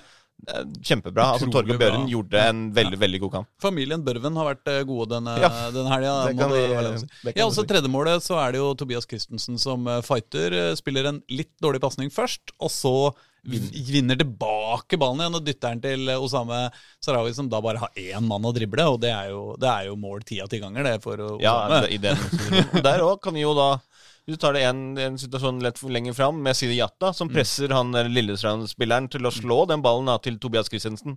Fordi uten det høye presset der, så hadde jo ikke Altså han, Da hadde jo ikke Lillestrand-spilleren fått panikk og slått den rett til Tobias. Sant? Og da hadde det ikke blitt mål. Nei. Så, så det, det er mye Altså, det, Vålerenga var gode, rett og slett. Ja. Det, må vi, det må vi si. Det skal sies at Vålerenga hadde jo ikke sånn veldig mye store sjanser utover de tre måla, men eh, det, det holder jo lenge. Men så var det jo altså et eh, Altså det forsvarsrekka. Juklerød, Simen Juklerød var jo en ny mann der. Han var litt usikker helt i starten og spilte bort eh, et par baller og, og Spilte mye litt. på det, men, eh, safe. men etter det ja, var mye raid også, og mye eh, Det, det var litt sånn Det blei litt, litt høyere tempo hver gang Simen Juklerød fikk ballen, fikk jeg følelsen av. At nå er det liksom Nå, nå skal vi framover her. Så det var bra. Strandberg, Stefan Strandberg har jo funnet sin plass. eh, 100% i Midtforsvaret. Og Petter Strand fortsetter å være overalt uh, på midtbanen. Så man merka jo nesten ikke engang at, uh, at Henrik Bjørnstjerne Bjørdal ikke var på jobb. Nei, nei, altså det jeg syns det var, var veldig mye gode individuelle prestasjoner, og de hadde i hvert fall i første gang hadde de stålkontroll hele veien, også defensivt. Mm. Utover andre gang så ble det litt mer eh, skal vi si Hawaii, men det ble, det ble litt åpnere, da. Mm. Men allikevel, eh, den, ja, den konsentrasjonen som det har i, i stoppeparet der, med, med Strandberg som, som går litt foran, tar de, det løpende, det, Mm. Tollås som, som da er, er bak der, det, altså det, det, ser, det ser så solid ut, altså. Mm. Så, så var det kanskje en litt mer skal vi si, anonym forestilling av, av, av Odin. Som han patruljerte, gjorde jo sine saker han var- Altså, den var ikke, han var ikke dårlig, Mm. Nei. men han var liksom ikke like fremtredende eh, som jeg har sett toneangivende i andre kamper. Men, men for all del, han Altså, alle på midten der gjorde, gjorde jobben. Absolutt. Og så må jeg si også at jeg må trekke fram én Lillestrøm-spiller eh, også. Uh, unge Espen Garnås. Uh, han uh, starta jo kampen med å, uh, med å kleppe ned Petter Strand tre ganger på rad, og fikk tilsnakk for de to første og gult kort på den tredje. Uh, Seinere var han involvert i alt, i begge ender av, av, av banen. Han skårte jo Lillestrøms ene mål, men han var liksom også så Han hadde Lillestrøms største sjanse utover målet også, på en corner som han nikka rett over. Og han var involvert eh, på både godt og vondt, men veldig sånn Han der var til stede! Han, han, han, han hadde overtenning. Espen Garnas hadde overtenning. eh, Hvis du den- husker én spiller dagen. som spilte i Lillestrøm eh, den dagen, så var det han. Ja, ja, Og absolutt. sammen med han eh, eh, Ogbu. Ja. Han nå som stopper, er, eh, er strålende. Kjempegod, eh, veldig viktig spiller for, eh, for Lillestrøm. Ja. Men vi eh, alle har sett denne kampen allerede. Det var jo tross alt 16.555 personer inne på tribunene på Intility, og sikkert en og annen som som så den på TV. Eh, så, så vi kan hoppe videre til eh, Obos-ligaen, og der var det jo også futt og fart, må det være lov å si. Altså, ja, Bedre Obos-ligarunde har vi ikke hatt denne sesongen, i hvert fall. Nei, vi har ikke det. For Grorud Vi må jo først gå dit. Grorud vant en fotballkamp! Det er jo Ja, altså Ja, altså, tenk det. Ja, Det er jo det. eh, Og det som er veldig, veldig gøy Mm. med det, er måten det skjedde på. Mm. Fordi hele kampen før de 87. minutt har vært nøyaktig lik alle andre kamper som Grorud har spilt denne sesongen her. Ja. Det er jo at altså, i, Før pause så var det jo eh, Ranheim hadde mye ball. Mm. Eh, skapte litt. Eh, Grorud var forsvarte seg. Skjedde ikke så mye. Mm. Etter bilen Grorud skapte masse sjanser første kvarteret. Mm. Og kunne leda fint. Leda 2-3-0. Hadde det ikke vært for han Niklas Frendrup, som la, gjorde masse gode, gode redninger. Mm. Og så skårte da Ranheim på det som da er typisk for Grorud, en personlig feil. Ja. Det var jo et innkast som gikk tilbake til, eh, til uh, Østegård Næss, Mm. som brukte litt for lang tid på å klarere, slik at Ranheim fikk da snappa opp ballen, eh, spilt den gjennom og åpent mål. Mm. Og det var etter en times, times tid, tenkte jeg, og da var det sånn Ja, da, da blir det vel 1-0, og så blir det liksom Ja. sånn, sånn det er eh, til slutt. Og så mm. Det som var imponerende, var at eh, Grorud fortsette å bare skape sjanser. Altså i de kanskje ja, de fem-seks, kanskje ti da, neste minuttene etter baklengsmålet, Mm. så skapte Ranheim en del gode sjanser som de kunne eh, økt på. Mm. Men etter det så greide liksom Grorud å kjempe seg igjen og skape en god del gode, gode sjanser. Du Mm. hadde jo eh, innbytterne som, som gjorde en veldig god jobb. Ristov først, Elsbutangen, men spesielt da Omar Bulli. Ja, det var det jeg skulle Bulli. til å si. Han så så rå ut, altså. Altså, Hvis du snakker om ja, altså Osame Sarawi, når du så han uh, der Altså, det Omar Bulli gjorde det siste kvarteret mot Ranheim Mm. altså, Der snakker du Det er, det er høyt nivå, altså. Ja. Komme inn der, ikke ha spilt kamp på Altså, Forrige gang han var involvert, da, det var han kom inn på overtid mot Skeid. Mm. Uh, og før det så har han spilt tre minutter. Ja. Så det er det han har spilt av fotball i år. Ja. Sant? Men han kommer inn her, siste kvarteret, og leverer det han gjorde der, med å ha Mm. Ja. satt opp begge målene, snur kampbildet to totalt. Ja. To målgivende, som gjør at uh, Grorud får sin første seier. Mm. Altså Altså, de er- de så jo helt like ut, eh, nesten de målene jeg så dem i, i Jeg bare så høydepunktene, liksom. Men det er Omar Bulli som uh, briljerer på venstrekanten, og så spiller han en ball inn, og så blir det mål. Ja. mer eller mindre ferdigskåra. Gøy også med Peter Michael Godley, som, eh, som jo har kommet ganske nylig inn på spissplassen og tatt den eh, med storm. Han eh, flasha jo eh, eh, Baringsen sin og tok på seg et, et deilig gult kort også. Når, og det, det, må, det må det være lov å ta når, eh, når du vinner din første kamp etter eh, 23. kamp. 23, Så er det, det lov. Også, også kjekt for, for Fabian Østgaard Næss, som gjorde den, den tabben forut for 0-1-målet. At han fikk, eh, var liksom den som fikk eh, jeg fikk, utligna, da. Ja. Men eh, hjemmedebut for eh, Jonas Rygg. Mm. Og da ble det, det er én kamp, én seier. Ja. Så det er greit. Ja, og da er det bare åtte poeng opp til, til uh, kvalikplass, da, Grorud. Så det her uh, Og det er jo uh, sju kamper igjen å, å spille, så det er Det skal holde hardt. Men Det skal- det er ikke ferdig hvis dere driver og scorer uh, sånne mål. Hvis uh, Omar Bulli uh, har kropp til å spille mer. Hvis Peter Godley fortsetter å score mål. Eh, altså, jeg veit at vi har dømt dem nord og ned allerede, altså, men eh, eh, prøv litt til, da. Vi, eh, det har vel Før ansettelsen av Jonas, Mm. så, så var det jo litt sånn at eh, vi kommer nok sannsynligvis til å rykke ned. Mm. Men det er viktig for uh, prosessen. Altså det er viktig for liksom, å sette i gang uh, nye ideer Mm. uh, for å få litt go inn mot neste sesong. Fordi det er jo nesten uansett hvem som har trent den gruppa der, går du 22 kamper bra uten seier, så setter det seg eh, altså negative, dårlige tanker uansett. Og bare få opp noe nytt, få opp noen friske ideer, starte på, på ny, ny frisk og få en, en start som viser at vi, vi er faktisk et fotballag som kan vinne kamper. Bare det, å få det inn i en spillergruppe. gjør veldig mye altså, med selvtilliten. Nei, Det er supert, og gratulerer til Jonas Rygg eh, spesielt. Det er sant. altså. Første hjemmekamp, og så drar du en seier sånn.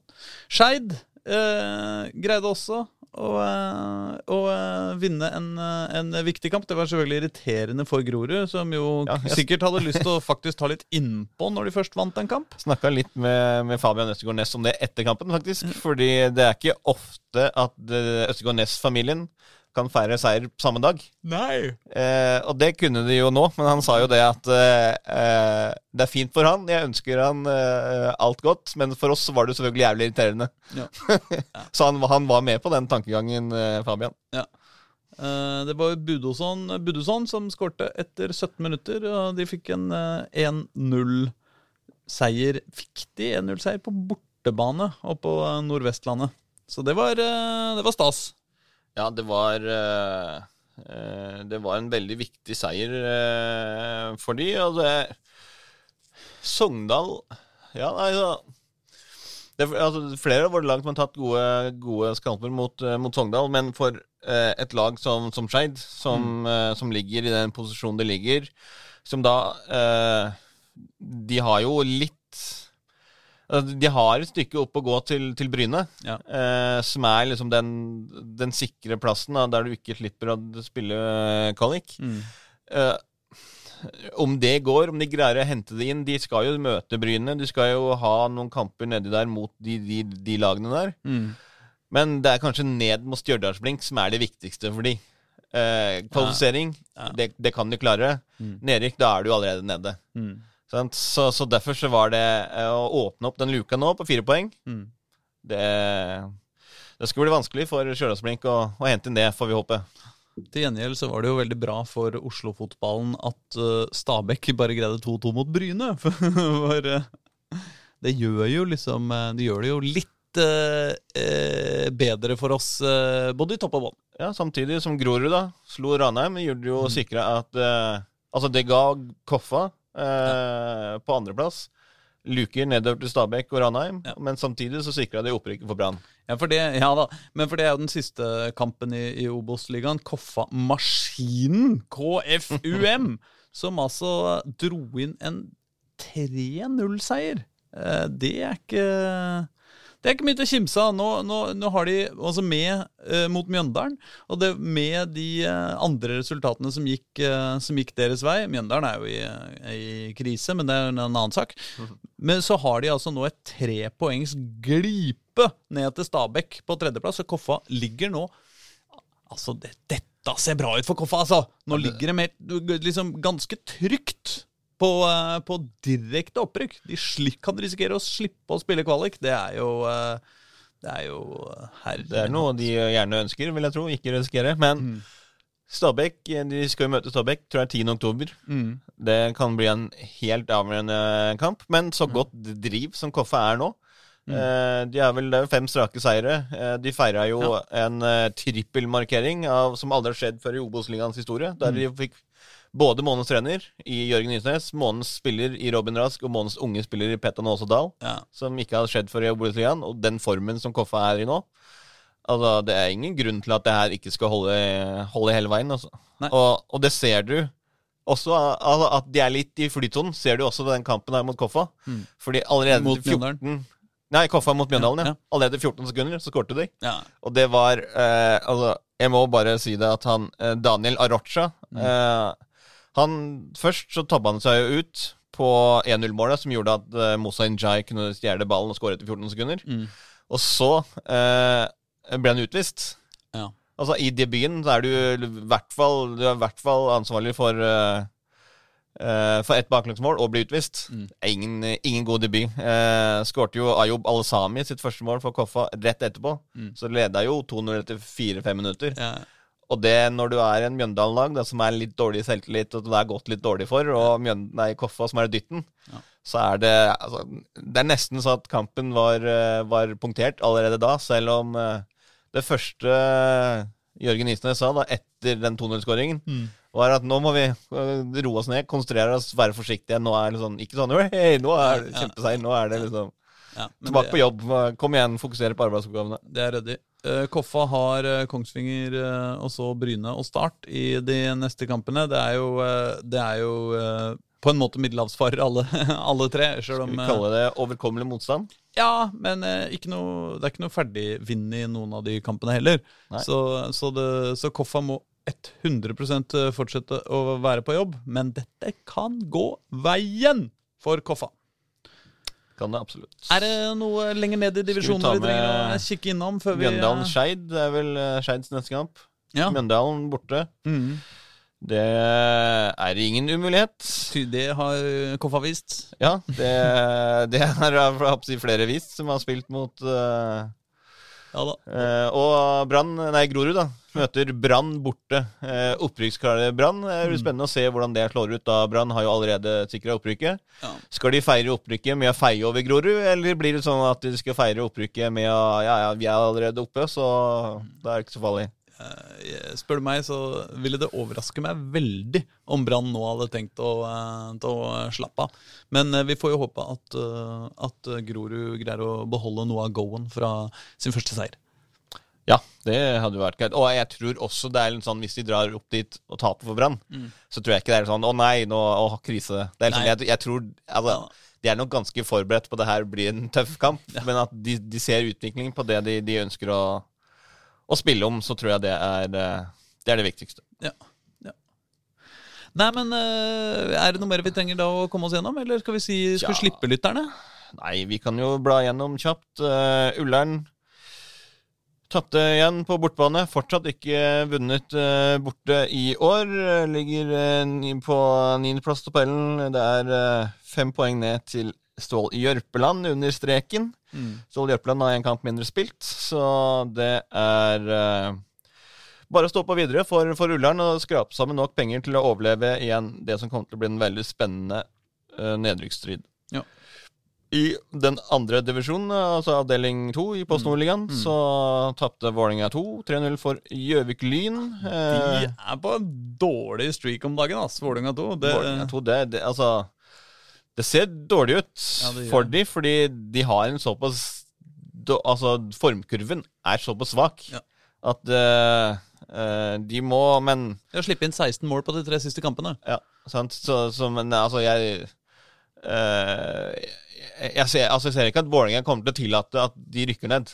Så her kommer det nok til å bli forsterka i nøkkelkampene som kommer utover for å berge posisjonen. Ja, Det er jeg ganske sikker på. Uh, Frigg gjorde det jo enda litt dårligere. og De møtte Ullkisa, uh, serieleder Ullkisa. Mm. Uh, Tapte 8-1. Ja. Det er Det er det vi trenger å si om den kampen. Ja. Men det er topp mot, topp mot bunn, da. Sånn, sånn er livet. Frigg sist, tolv poeng. Eh, Ti poeng opp til Vålerenga 2, da, som ligger på plassen over. Så det, det ser dessverre dårlig ut for Frigg, som også har mista en, eh, en del spillere nå som har forlatt klubben eh, underveis i sesongen. Ja. Kjelsås derimot eh, Ja, vi snakka jo litt om det i eh, intervjuet med Lokomotiv Oslo, der de skapte utrolig mye sjanser i en kamp. Bomma tre straffer, hadde fire tverrligger og var ikke måte på.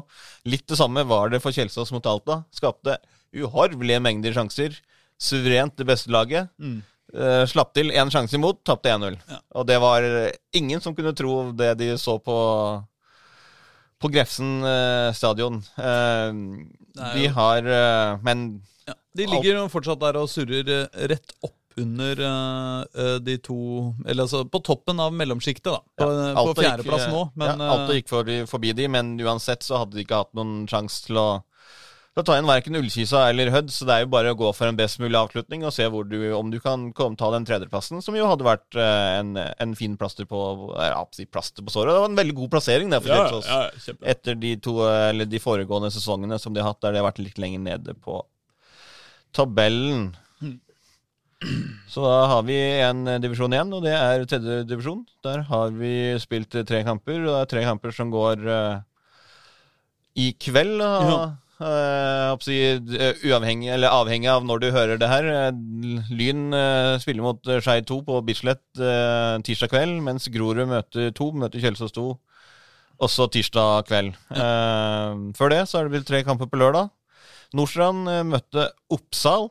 Eh, der var det jo Eh, I den motsatte kampen så kom jo Nordstrand med en perfekt rekke, hadde ikke sluppet inn mål og åtte strake seire. Ja, Det var en sånn og Oppsal var helt motsatt. Var en, en, alt var dritt og møst og trist, og så vant Oppsal 4-0. Ja, det var, sånn, det var helt sjukt.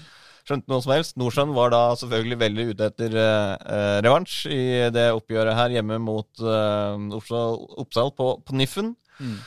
Eh, Oliver Midtgaard skårer igjen, han. Uh, han er uh, han er bare ett mål nå bak David Tavakoli på toppskårerlista. 18 mål på 19 seriekamper.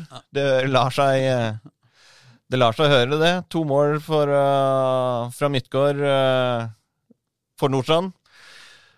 Oppsal uh, skårte rett etter uh, Midtgaard sitt andre mål. Kalle Råba sangen inn utligningen. Eh, var mye spill. Det bølga, frem og tilbake, men Nordstrand uh, rodde inn en meget eh, viktig seier der. Eh, og så ble det litt sånn på overtid. Litt mye jubling og litt mye Mm.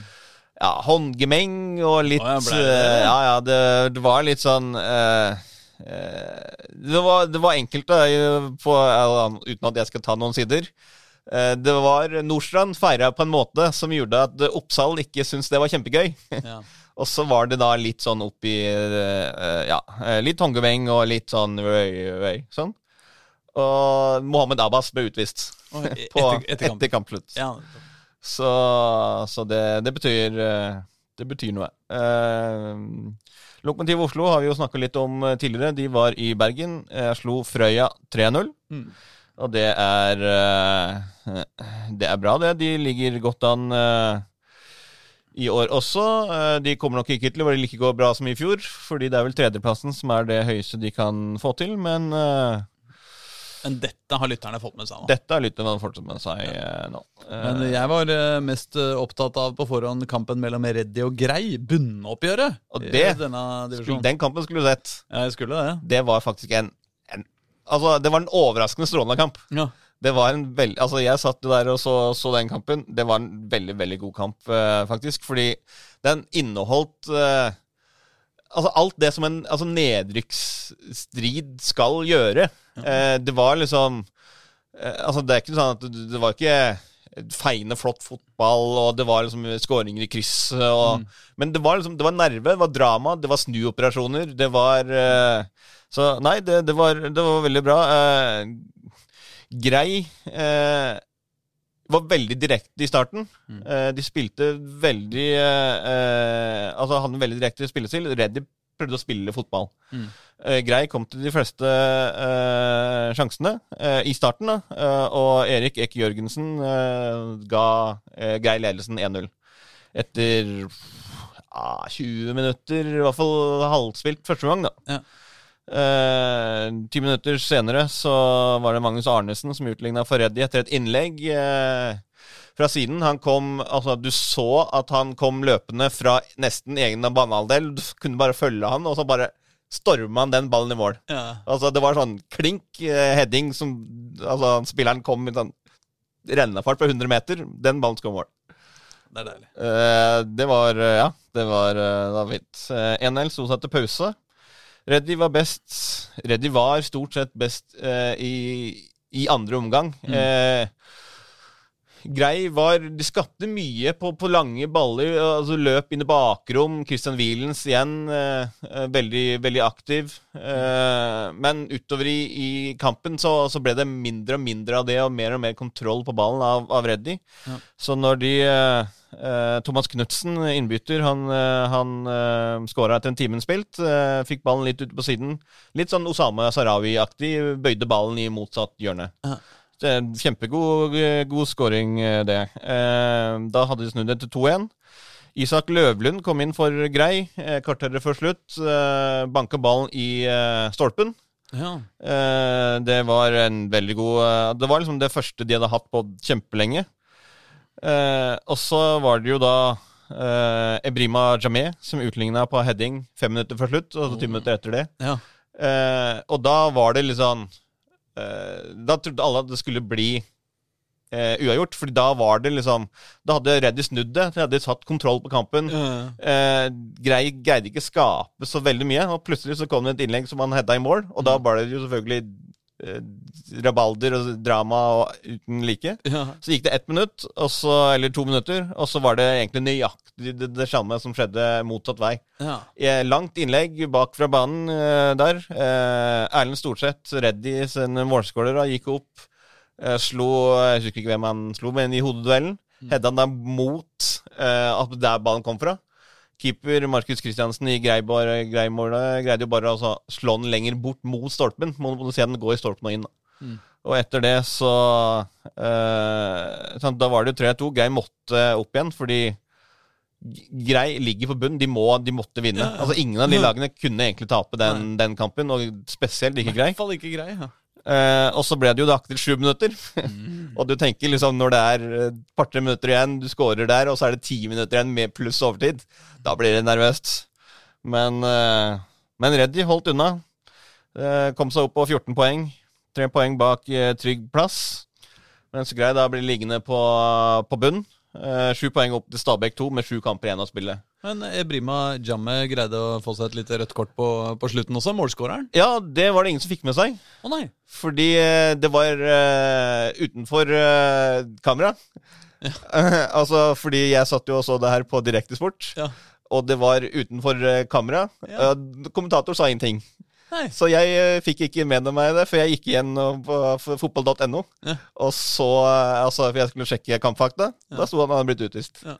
Så det så Fordi det, det skjedde utenfor uh... Vi får se om vi gidder å finne ut av hva i huleste det var Ja, ja. Så nei, jeg, jeg, ble, altså, jeg ble like overraska som eh, det du Eller ja, ikke som du ble nå, men jeg ble overraska over å se det. Fordi Ja. det er jo vanligvis, hvis noen får rødt kort, så legger du merke til Ja, det. vanligvis, vanligvis. Men det kan jo ha vært eh, litt sånn à la Nordstrand Oppsal-kampen. Ja, det, det, det her, det her var også på overtid. Ja. Så det, det kan nok eh, være det. Litt klaging på dommeren, litt eh, et eller annet jubling, eh, feiring, et eller annet.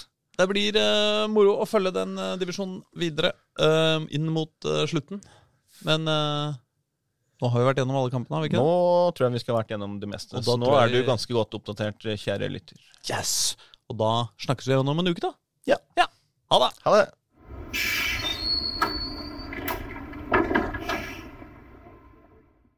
Du har hørt en podkast fra Dagsavisen. Ansvarlig redaktør heter Andreas Heen Haaland Karlsen.